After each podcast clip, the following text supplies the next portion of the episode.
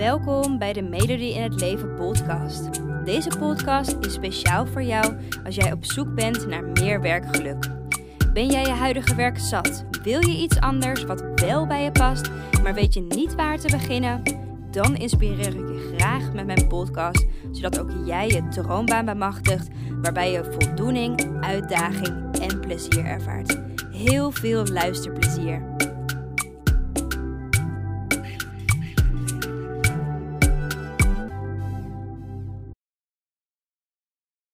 Hey hey, superleuk dat je weer luistert naar een nieuwe podcast. Ik wil het vandaag met je hebben over hoe je nou professioneel kan omgaan met een afwijzing op je cv. Want ik kan me voorstellen dat als je bezig bent met die droomaanzoektocht, daar komt natuurlijk ook solliciteren bij. En dat je ook heel erg je best doet op je cv, op een goede motivatiebrief. En als je eenmaal een baan gevonden hebt waarbij je denkt, hey, dit voelt goed, ehm, het bedrijf voelt goed, de functie voelt goed, dat je vervolgens ook hè, overgaat op solliciteren. En dat je, nou ja, ik ga er vanuit heel goed het bedrijf hebt bekeken, hun missie hebt bekeken, hun medewerkers hebt bekeken. En je gaat de stap nemen om te solliciteren. En je was ervan overtuigd dat je zou worden aangenomen. Je zag jezelf wel werken bij die functie. Of op zijn minst dat je zou worden uitgenodigd naar de volgende sollicitatieronde. Maar dat er toch een moment komt dat het bedrijf je laat weten dat je niet door naar de volgende ronde bent. En dat is natuurlijk echt super balen. Een afwijzing van een bedrijf waar je had willen werken is sowieso nooit leuk. Sterker nog, een afwijzing kan je ook heel erg persoonlijk opvatten en je ook echt een naar gevoel geven. Het kan je bijvoorbeeld onzeker maken van wat heb ik nou verkeerd gedaan of irriteren, moedeloos ervan worden. Hè? Ik ga ook nooit ergens aangenomen worden bijvoorbeeld. Maar geen zorgen, in deze podcast wil ik je dus ook vier belangrijke tips geven hoe je dan kan omgaan met een afwijzing op je sollicitatie. En allereerst, dat is niet een eerste tip, maar weet ook dat het heel normaal is om afgewezen te worden. Um, ja, zie dat dus allereerst ook, dat is wel meteen de eerste tip, vat het niet persoonlijk op.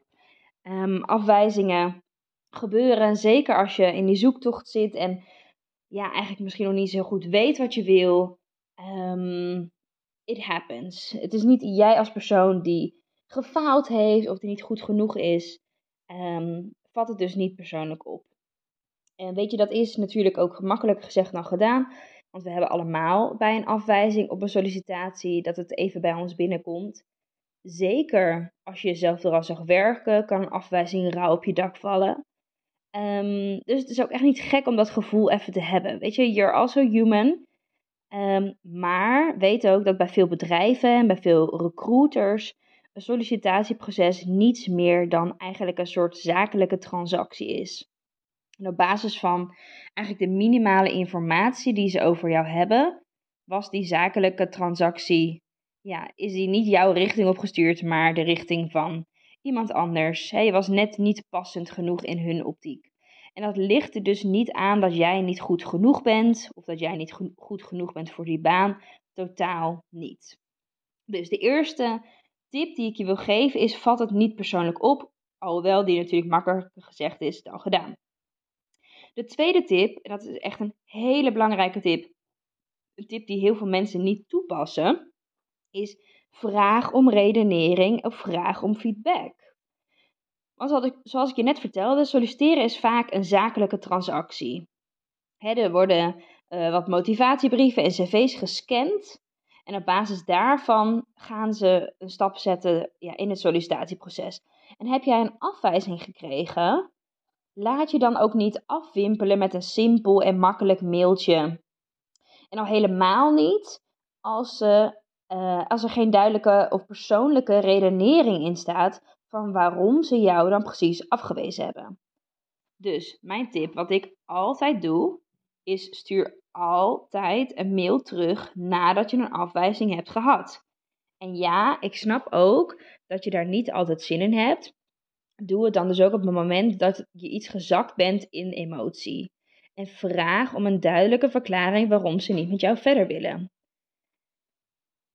Daarbij een aantekening waar je op mag letten is er worden vaak bijvoorbeeld mails gestuurd van ehm, dat er kandidaten waren die meer ervaring hadden of meer uh, opleidingen hadden of bijvoorbeeld.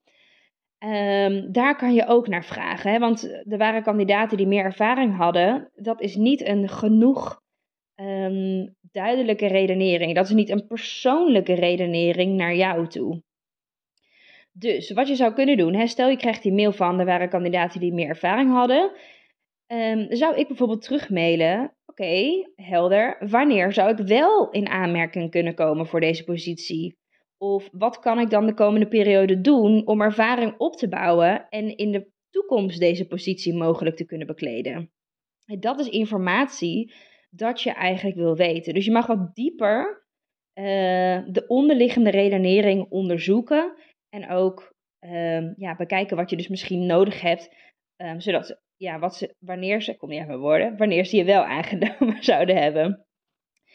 Um, en enerzijds laat dat heel erg duidelijk zien aan het bedrijf of aan de medewerker die je spreekt, dat je echt interesse hebt.